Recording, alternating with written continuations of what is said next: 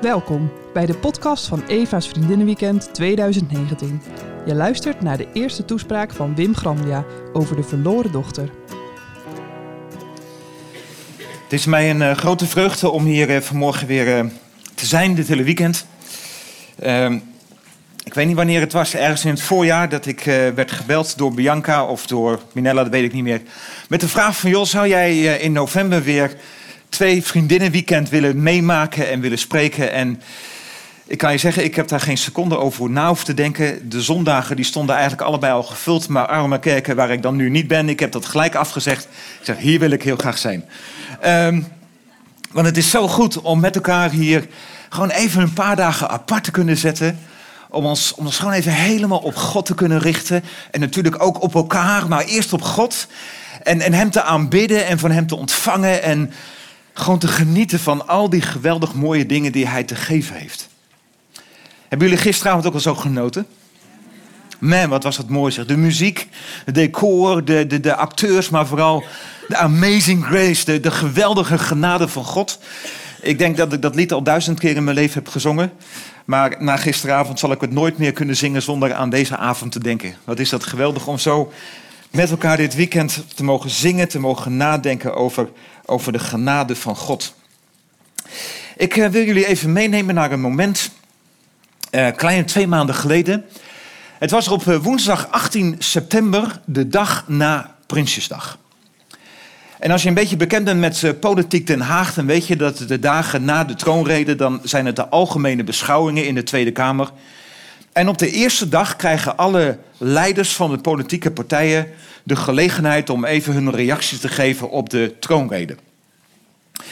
Ik moet zeggen, ik was dit jaar bijzonder onder de indruk van de manier waarop Kees van der Staaij, de voorman van de SGP, daar invulling op gaf. Hij kwam op het uh, toneel van de Tweede Kamer met uh, deze replica van een geweldig mooi schilderij van Rembrandt bij zich. En hij vertelde de 149 collega's van de Tweede Kamer en de voltallige regering over iets wat hij had ontdekt. Hij had namelijk ontdekt dat er in de 18e eeuw een Russische diplomaat van de ambassade in Den Haag zo stout is geweest om op een illegale manier eh, belangrijke Nederlandse schilderwerken vanuit de Gouden Eeuw uh, door te sluizen, eigenlijk te smokkelen naar Rusland. Waardoor het nu zo ver is gekomen, zo vertelde Kees van der Staaij, dat er in het bekende uh, museum in, uh, in Sint-Petersburg, de Hermitage, dat daar meer schilderijen van Rembrandt hangen dan in ons eigen Rijksmuseum hier in Nederland. Het pleidooi van Kees van der Staaij was Minister-president, zorg ervoor dat in ieder geval dit schilderij weer terugkomt naar Nederland en in het Rijksmuseum komt te hangen. Nou, of dat ooit gaat gebeuren, ik betwijfel het. En het eind van zijn toespraak, het werd natuurlijk wel een beetje een politieke toespraak, maar ook een heel mooi getuigenis van Kees. Aan het eind bood hij een replica aan aan zowel de Kamervoorzitter Ariep als aan de minister-president uh, Mark Rutte. Het schilderij wat hij liet zien is een schilderij van Rembrandt, uh, gemaakt in het jaar 1668. Een jaar voor de dood van Rembrandt. Het was een van zijn laatste grote werken. En dit schilderij is gebaseerd op het verhaal, op de gelijkenis van Jezus over de verloren zoon.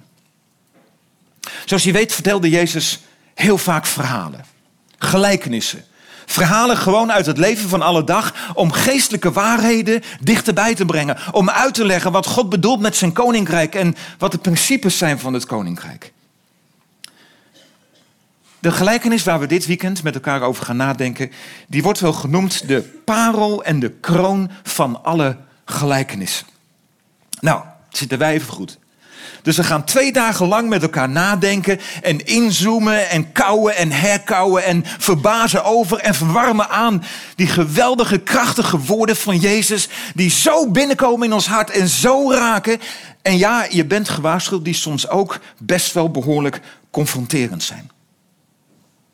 Het verhaal staat bekend als het verhaal van de verloren zoon, maar eigenlijk die naam die heeft Jezus zelf niet daaraan gegeven. Dat is later gebeurd. Ik, ik, ik zou eigenlijk een andere titel willen voorstellen... die denk ik veel meer recht doet aan deze gelijkenis. Niet zozeer het verhaal van de verloren zoon... maar de gelijkenis van de wachtende vader. Want dat is waar het in deze gelijkenis om gaat. Ik denk als ik je nu zou vragen... Uh, Minelle is er goed in om mensen spontaan het podium op te vragen. Maar als ik je nu zou vragen, kom eens even het podium op en vertel gewoon eens even zo uit de losse pols het verhaal van de verloren zoon. Nou, ik denk dat de meeste van jullie een heel eind komen. Met andere woorden, het is een, het is een heel bekend verhaal en, en, en dat heeft het risico in zich dat je denkt van, nou ja, dat, dat verhaal ken ik al. Hadden ze niet iets spannenders kunnen bedenken voor dit weekend? Dat heb ik al zo vaak gehoord. Maar mag ik je dan nu heel bewust vragen om, om gewoon eens even ergens van binnen, ik weet niet precies waar die zit, maar een knop om te zetten en gewoon eens even naar dit verhaal te gaan luisteren, alsof je het nog nooit hebt gehoord. En misschien nog wel een stap verder mag ik je uitnodigen om niet zozeer een toeschouwer van dit verhaal te zijn, maar een deelnemer te worden van het verhaal. Om gewoon dit verhaal binnen te stappen en, en, en, en, en Gods verhaal voor jouw leven te gaan ontdekken. En dan kan, ik me misschien, of dan kan ik me voorstellen dat je misschien wel een beetje denkt van ja, we gaan het zo nog lezen, maar nogmaals, ik ga ervan uit dat je het verhaal kent. Dat je denkt een verhaal binnenstappen, het is wel een beetje een mannenverhaal. Het gaat over een vader. Waar is de moeder in dit verhaal? En het gaat over, over twee broers. Waren er geen dochters of zo? Oké, het is in die zin een beetje mannenverhaal, maar ik geloof wel met mijn hele hart dat het een verhaal is voor mannen en voor vrouwen. Stap in het verhaal en ontdek Gods verhaal over jouw leven. Het is een verhaal dat gaat over, over de diepte van het hart van God. Een hart dat vol is van liefde en van genade en van aanvaarding. Wauw. Het is ook een verhaal over mensen. Over jongste en oudste zonen en dochters. Een verhaal over weglopen van God en thuiskomen bij God. Een verhaal over herstel van identiteit en beleving van intimiteit. Het is een verhaal over feestvieren met God of daar juist afstand van nemen. Je zou ook kunnen zeggen, en misschien dat Jezus het inderdaad wel zo heeft bedoeld. Het is ook een soort spiegelverhaal. Een verhaal waar je, waar je even deel van uit mag maken dit weekend. Maar waar je ook even voor mag gaan staan om jezelf de vraag te stellen. In wie herken ik mij nou? Ben ik een jongste dochter? Of ben ik misschien meer een oudste dochter?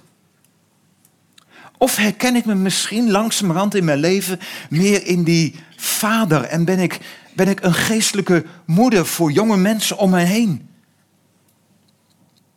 Zal ik eerlijk zijn? Als ik, als ik naar dit verhaal kijk, ik, ik heb me de afgelopen week weer, weer als het ware ondergedompeld in dit verhaal. Ik ben zelf weer voor de spiegel gaan staan. Ik moet je zeggen dat ik me soms heel erg herken, nog steeds in de jongste zoon. Maar soms ook wel in de oudste zoon. En als het gaat om de vader, nou laat ik het maar bescheiden houden. Ik hoop dat andere mensen om me heen in mijn leven steeds meer gaan ontdekken van die vader in dit verhaal. Nou, ik heb ze al even genoemd. Ik wil graag even de hoofdpersonen aan jullie voorstellen. De eerste is een weggelopen jongste zoon. En we gaan straks over hem lezen. De tweede hoofdpersoon is een liefdevolle en wachtende vader. Daar gaan we vooral vanavond even de, de camera opzetten. En de derde hoofdpersoon, daar gaan we in het tweede deel van deze morgen over nadenken, is de thuisgebleven oudste zoon. We hebben ook drie thema's bedacht voor de drie dagdelen dat we hiermee bezig zijn. Uh, vanmorgen gaan we het vooral hebben over thuiskomen. Vanavond over thuis zijn. En zondagmorgen gaan we het hebben over thuis blijven. Nou, dit klinkt toch als een hele degelijke gereformeerde drie punten preek, of niet soms? Ik verlogen mijn gereformeerde achtergrond niet. Oké, we gaan het verhaal lezen en dan pakken we het even op vanaf vers 10, want dat is een soort overgangsvers vanuit de gelijkenis die eraan vooraf gaat. Daar kom ik straks nog even op terug. En de gelijkenis waar we dus met elkaar over gaan nadenken. Je kunt het meelezen, Lucas 15, vers 10. Zo zeg ik, Jezus, hij is hier aan het woord. Dus luister maar goed. Zo zeg ik, heerst er ook vreugde onder de engelen van God over één zondaar die tot inkeer komt. Vervolgens zei hij, dus het gaat in één adem door. Vervolgens zei hij, iemand had twee zonen. De jongste van hen zei tegen zijn vader: Vader, geef mij het deel van uw bezit waarop ik recht heb. De vader verdeelde zijn vermogen onder hen. Na enkele dagen verzilverde de jongste zoon zijn bezit en reisde af naar een ver land waar hij een losbandig leven leidde en zijn vermogen verkwiste. We zetten even de videoband stil. Als ik het zo lees, dan denk ik, dit moet haast wel een samenvatting zijn van, van het verhaal zoals Jezus dat voor al die mensen om hem heen heeft verteld. Want als ik het zo lees, dan is het, dan is het zo, zo sober verteld, bijna, bijna zakelijk. Terwijl als je, het, als je het even goed tot je door laat dringen, oh man, alleen al wat er met dat hart van de vader moet zijn gebeurd toen die, toen die zoon, waarschijnlijk was hij een jaar of 17, want de meeste Joodse jongens trouwden in die dagen ergens tussen een 18e en de 20e jaar. Dus hij was niet getrouwd, dus zeg maar een jongen van 17. Moet je eens voorstellen, je bent vader en je zoon van 17 komt naar je toe en die zegt, vader, ik wil graag het deel van mijn erfenis nu al ontvangen. Dat is ongeveer net zoiets als dat je tegen je vader zegt: Wordt het niet eens tijd dat je doodgaat? Ik wil mijn deel van de erfenis. En hoeveel was dat? In die dagen was het zo, dat was de wet van Mozes, als er twee zonen waren. De oudste zoon kreeg twee derde deel van de erfenis en de jongste zoon kreeg een derde deel van de erfenis. Vader, ik wil de erfenis. Wat moet dat gedaan hebben met het hart van deze vader? Wat een emotie. En ik heb ook geprobeerd in dat verhaal te kruipen en, en ik zag dat wel voor me. Wat zullen die oudste en de jongste zoon tegen elkaar gezegd hebben? Volgens mij heeft die oudste zoon geen vriendelijke dingen gezegd die dagen tegen zijn jonge broertje. Wat ben je aan het doen, jongen? Maar goed, het gebeurt. En het wonderlijke is, de vader stemt er in toe. Ongelooflijk. En dan lezen we dat de zoon na een paar dagen alles te gelden maakt. Hij verzilvert alles. Het was een welgestelde familie. Er waren knechten, er waren bezittingen. Dus er viel wat te verdelen. En dan gaat hij op weg.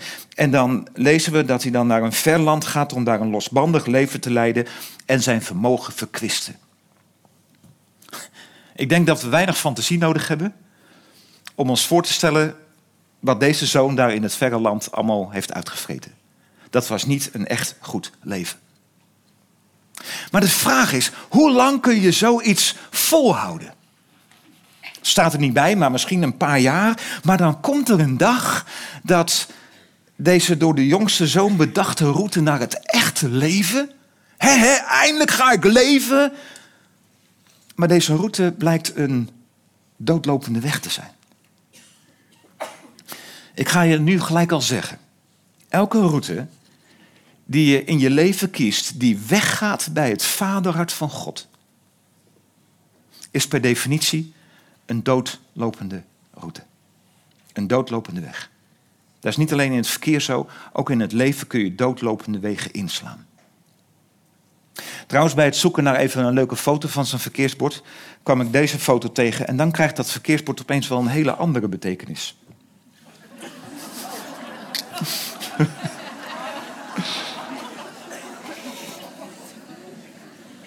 Maar oké, hoe gaat het verder?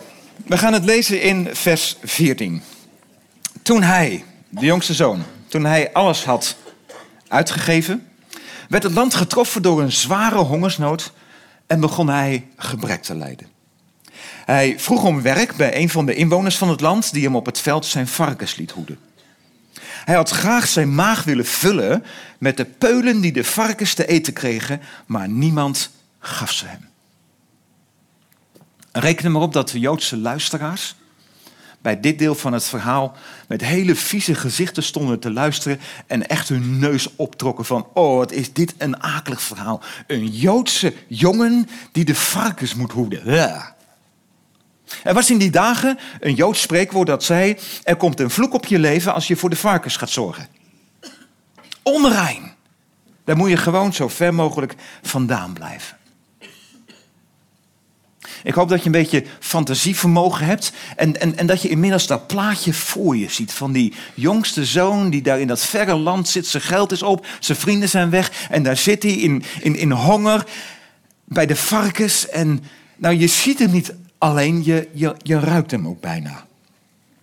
Deze jongen, misschien is hij inmiddels een jaar of twintig, ik weet het niet. Deze jongen, hij zit hier helemaal compleet aan de grond. Hij dacht het echte leven te vinden, maar hier is hij completely destitute. Compleet helemaal weggevaagd. Hij is vervuild, hij is hongerig, eenzaam, teleurgesteld, wanhopig. En als ik het verhaal goed lees, er is niemand die zich om hem bekommert. Wie nu heel diep van binnen, bijna stiekem in zijn hart denkt: Nou ja, dat is toch een beetje eigen schuld, dikke bult. Die heeft zijn eerste punt al binnen als het gaat om de verkiezing oudste zoon van de dag. Of oudste dochter van de dag. Daar kom ik later nog wel even op terug. Oké, we zien het plaatje. We ruiken hem bijna. Maar de vraag is, ik zei net, het is een spiegelverhaal. De vraag is, herkennen we ons hier nou een beetje in? Als ik zo dit plaatje van die jongste zoon schilder.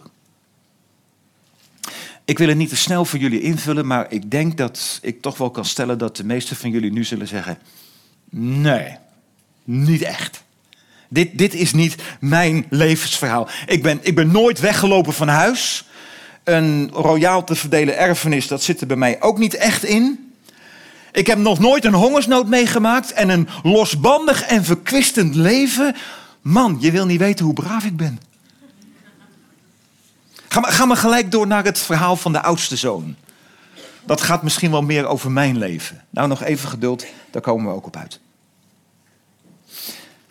Ik heb het voorrecht één keer per jaar eh, op, op een lofprijsavond van De Hoop te mogen spreken. De Hoop, dat centrum in Dordrecht waar mensen worden geholpen van hun verslaving af te komen. En uh, nou, je komt er inmiddels al heel wat jaartjes en je gaat mensen leren kennen en je hoort verhalen. En daar zitten heel veel mensen die nogal ruig leven achter de rug hebben. Ik denk als ik daar zou vragen, dit verhaal van de jongste zoon vertellend, wie van jullie herkent zich in dit verhaal? Ik denk dat er een heleboel mannen gelijk en vrouwen hun hand in de lucht steken. Ja, daar, daar herkennen we ons, ons wel in. Maar hier, met allemaal lieve, keurige, nette, welgestelde en vooral christelijke Eva-vriendinnetjes. Ik denk dat jullie nu zoiets hebben van, zullen we snel verder gaan? Dit gaat niet over mij. Oké. En toch wil ik, wil ik even niet gelijk verder gaan. Want, want als we nou eens gewoon even de moeite nemen om, om de buitenkant van de jongste zoon als het ware even, even af te pellen. En we gaan eens even kijken naar het hart van deze jongen. En naar het hart van, van dit gedeelte van het verhaal. We zien hier een jongen die ervoor kiest om weg te gaan van huis, weg te gaan van, van zijn vader, om zijn vader de rug toe te keren. We zien hier een jongen die niet langer in de nabijheid van zijn vader wil zijn. En dat zou je inmiddels al lang duidelijk zijn. De vader in dit verhaal, voor wie staat deze vader? Voor onze hemelse vader, voor God zelf. Dit weglopen van deze jongste zoon, dit staat eigenlijk voor het weglopen van God. En op een of andere manier zit dat in ons allemaal. Zonder dat het direct aan de buitenkant zichtbaar wordt. Maar, maar iets in ons heeft steeds weer de neiging om weg te gaan van huis en weg te gaan van God. En om eerlijk te zijn, ik was 17, dat is inmiddels 41 jaar geleden, dat ik thuis kwam bij God. Dat ik als een jongste zoon, ik was ver weggedwaald, de weg terugvond naar God. Maar na 41 jaar leven met God merk ik regelmatig dat er nog steeds in mijn hart die akelige neiging zit om toch weer weg te lopen van huis en weg te lopen van God. Of ben ik de enige gek hier? Daarom zei ik, ik herken me in de oudste zoon, maar ik herken me ook zeker in de jongste zoon. Terwijl ik inmiddels zo weet dat elke weg die bij God vandaan gaat, een doodlopende weg is. En toch, het zit er op een of andere manier in.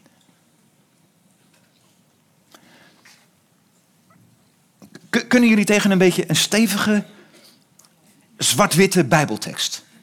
Ja, hè? Niet weglopen. Want de tekst die we nu gaan lezen is zo eerlijk en zo confronterend en laat zo eerlijk zien wat er in het hart van ieder mens is. Uit Romeinen 3, vers 10. Er is geen mens rechtvaardig. Zelfs geen deelnemers van een even vriendinnenweekend.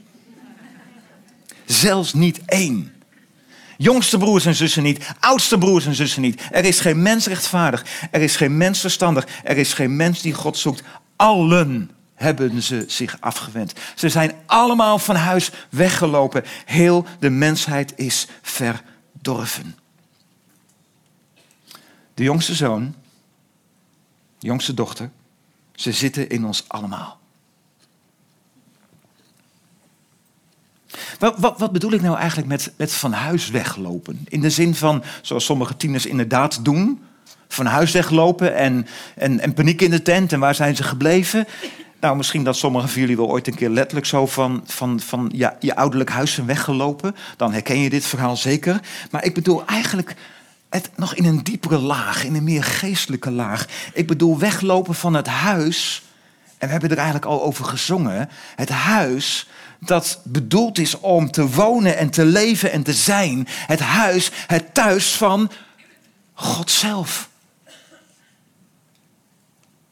Ik ga je een paar hele mooie teksten uit de Bijbel lezen, waarin duidelijk wordt dat God bedoeld is als ons thuis.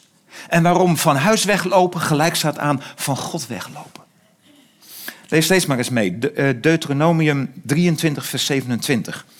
En ik lees deze vanuit de herziene statenvertaling. De eeuwige God is voor u een woning. En onder u zijn eeuwige armen. Waar is ons thuis? Wat is ons diepste thuis? Wat is onze woning waar we mogen zijn en waar Gods eeuwige armen onder ons zijn? Dat is God zelf. En deze tekst uit Psalm 61. Laat mij altijd wonen in uw tent, veilig verscholen onder uw vleugels. Ik vind dit zo'n mooie tekst. Veilig verscholen onder uw vleugels. Toen ik deze tekst er in de voorbereiding las, dan moest ik denken aan een foto die ik een paar jaar geleden tegenkwam. Een moeder hen met een aantal keukens, uh, kuikens, keukens. met een aantal keuken, zeg ik het weer, hallo. Kuikens onder haar vleugels. En weet je welk verhaal hier, hierbij stond? En dat heeft zo'n indruk op mij gemaakt. Er was op een dag een enorme brand op een boerderij, op een kippenboerderij. En, en, en duizenden kippen waren omgekomen. Het zal wel ergens in de buurt van Barneveld zijn geweest of zo.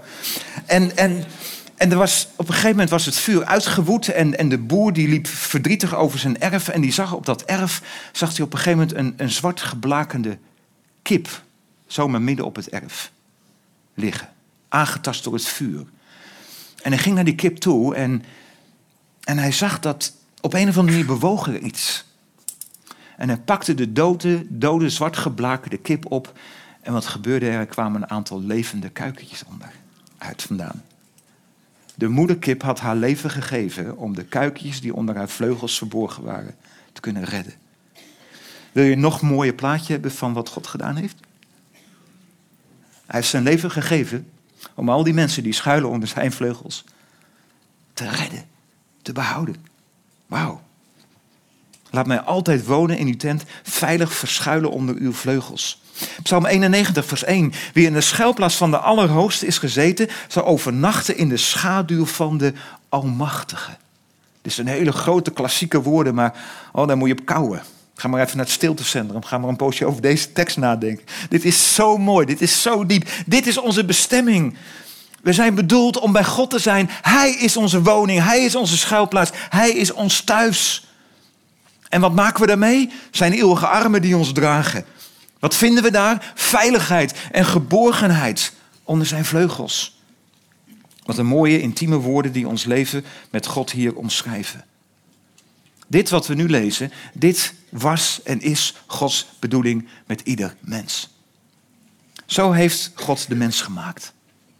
Adam en Eva Ze leefden zo dicht bij God. Ze leefden in gemeenschap met God. Ze leefden in de geborgenheid van God. Ze waren thuis bij God. Als een zoon en dochter waren ze thuis bij de Vader.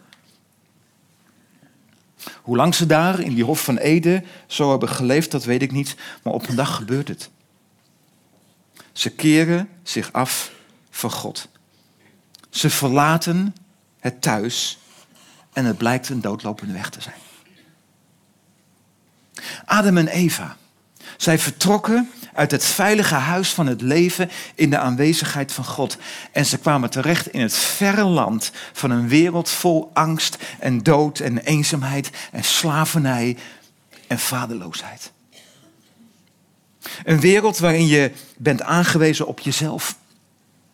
Waarin je je verloren identiteit en waarde moet terugzien te vinden in geld, in bezit, in, in uiterlijk, in prestatie, in populariteit en dat soort dingen. Zo vermoeiend, zo uitputtend. Een wereld waarin geluk en zekerheid en geborgenheid en, en al die mooie dingen zo onzeker geworden zijn dat je ze zo ook maar weer kunt kwijtraken. Onze wereld zit vol met jongste zonen en dochters. Het zit in ons allemaal. En misschien is het nooit een bewuste keuze van ons geweest om bij God weg te lopen. Maar diep van binnen zijn we allemaal uit dit hemelse vaderhuis weggelopen. En dan is er maar één ding wat we moeten doen. En dat is de keuze waar ieder mens ook vandaag voor staat. Dat is opstaan en teruggaan naar huis. Teruggaan naar vader. Teruggaan naar God. Het wordt in de gelijkenis op een geweldig mooie manier verteld. We gaan verder lezen. Toen kwam de jongste zoon tot zichzelf en dacht: De dagloners van mijn vader hebben eten in overvloed en ik kom hier om van de honger. Ik zal naar mijn vader gaan en tegen hem zeggen: Vader, ik heb gezondigd tegen de hemel en tegen u, en ik ben het niet meer waard uw zoon genoemd te worden. Behandel mij als een van uw dagloners. Hij vertrok meteen op, of hij vertrok meteen en ging op weg naar zijn vader. Dit verhaal van de jongste zoon, het is eigenlijk gewoon een fantastisch mooi bekeringsverhaal. Als deze jongste zoon vandaag had geleefd, zeker weten dat hij op een dag een uitnodiging had gehad bij de EO voor God verandert mensen of zo. Wat een mooi bekeringsverhaal. In dit verhaal vinden we eigenlijk drie stappen van bekering. En ik wil ze je heel kort noemen. De eerste stap om terug te gaan naar God, terug te gaan naar het huis, naar het thuis waar je hoort, dat is wat we lezen, bezinning. Nadat hij tot zichzelf gekomen was. Weet je, ik geloof dat ieder mens, ook iedere vrouw hier vanmorgen aanwezig, dat we het zo nodig hebben om tot onszelf te komen om eindelijk eerlijk na te gaan denken over ons leven. En, en, en dieper dan alleen maar over alle dagelijkse zorgen, maar zeg maar zo nadenken dat we van de buitenkant naar de binnenkant van ons leven gaan. Van alleen maar druk bezig zijn, naar gewoon stil worden bij God. En daarom is het zo goed. Misschien moet je gewoon echt even zo'n moment nemen. Even naar het stiltecentrum. Even wat de zoon hier doet. Even tot jezelf komen, bezinnen. Eerlijk worden over jezelf, over je vragen, over je verdriet, over je pijn, over je eenzaamheid, over je verslavingen, over je zonde, over die diepe leegte in je hart. Tot bezinning komen, tot jezelf komen, heeft ook te maken met de erkenning dat we zijn vastgelopen dat het misschien aan de buitenkant allemaal nog heel succesvol kan lijken, maar dat we in werkelijkheid eigenlijk gewoon zijn vastgelopen. Ik moest denken aan twee gesprekken die ik de afgelopen tijd heb gehad. Meerdere gesprekken, maar twee die ik even wil noemen. Het eerste gesprek was met een man, uh, een, een, een, een zichtbaar succesvolle zakenman. Een good-looking guy, uh, lieve vrouw, een paar mooie gezonde kinderen, grote huis, snelle auto, royale bankrekening, alles klopte. Maar gaandeweg het gesprek werd hij eerlijk en ging hij vertellen hoe zijn leven er echt aan toe was. En wat er van binnen in zijn hart allemaal speelde. En weet je, ik, ik dacht toen ik naar hem zat te luisteren, eigenlijk zit hier een jongste zoon tegenover mij, ver van God en ver van huis. Tweede gesprek met een jonge meid, nog, nog net niet volwassen, eind op weg. Knap, vriendjes bij de vleet, ging helemaal voor de vrije seks. Had alles wat ze kon krijgen. Maar toen ze eerlijk werd, toen barstte ze in tranen uit. En vertelde ze over haar hopeloze zoektocht naar wie ze nou echt is. Haar zoektocht naar liefde. Echte liefde. Geborgenheid. En ze vertelde me haar over haar angsten en zelfs over haar gedachten om er dan uit te stappen. Er zat een jongste dochter tegenover mij, ver van God en ver van huis. De tweede stap in dit bekeringsverhaal is een besluit. De jongste zoon zegt: Ik zal opstaan en naar mijn vader gaan. Wat zal dat moeilijk voor hem zijn geweest? Hij was weggegaan met de overtuiging en nu ga ik het echte leven leven. Hij was weggegaan met de overtuiging: ik zal hier nooit meer terugkomen. Ik zal dit huis en deze vader nooit meer nodig hebben. Net zoals zoveel mensen vandaag de dag denken: ik zal God nooit meer nodig hebben. Er is moed voor nodig om gewoon eerlijk te zijn en tot de ontdekking moeten komen: dit is niet het leven, dit is een doodlopende weg. Ik moet terug naar huis, ik moet terug naar vader. Hij wacht op mij. En de derde stap dat is beweging. Het staat er zo heel mooi. En hij stond op en ging naar zijn vader. De beweging die deze jongste zoon maakt, het is heel fysiek, letterlijk. Zijn lichaam komt in beweging. Maar dit is de beweging die we in ons hart ook allemaal zo nodig hebben en moeten maken. En ik bid je zo toe en ik smeek het je bijna in Jezus' naam. Maak dit weekend deze beweging. Maak de beweging naar God toe. Niet van God vandaan, maar maak deze beweging naar God toe. Ga weer terug naar waar je thuis hoort. Ga weer terug naar die schuilplaats, naar die tent waar je mag schuilen onder zijn vleugels. Dat is de plek waar God je als zijn dochter zo graag wil zien. We gaan vanavond nog verder inzoomen op de Vader. Daar heb ik nu al zin in. Wauw. Maar we gaan nu wel even lezen hoe de hoe de vader reageert. Dat is het. Ja, en dan gaan we inderdaad koffie. Ik zie Minella ongerust. Heb je zin in koffie of zo, Minella? Ja, hè? ja ik zie het aan je. Oké. We sluiten dit deel van de gelijkenis af. Zijn vader, dus de zoon, die gaat op weg en komt aan. Zijn vader zag hem in de verte al aankomen. Hij kreeg medelijden en rende op zijn zoon af, viel hem om de hals en kuste hem. Vader, zei zijn zoon tegen hem, ik heb gezondigd tegen de hemel en tegen u. Ik ben het niet meer waard uw zoon genoemd te worden. Maar de vader zei tegen zijn knechten, haal vlug het mooiste gewaad en trek het hem aan, doe hem een ring aan zijn vinger en geef hem sandalen. Breng het gemeste kalf en slacht het. Laten we eten en feest vieren, want deze zoon van mij was dood en is weer tot leven gekomen.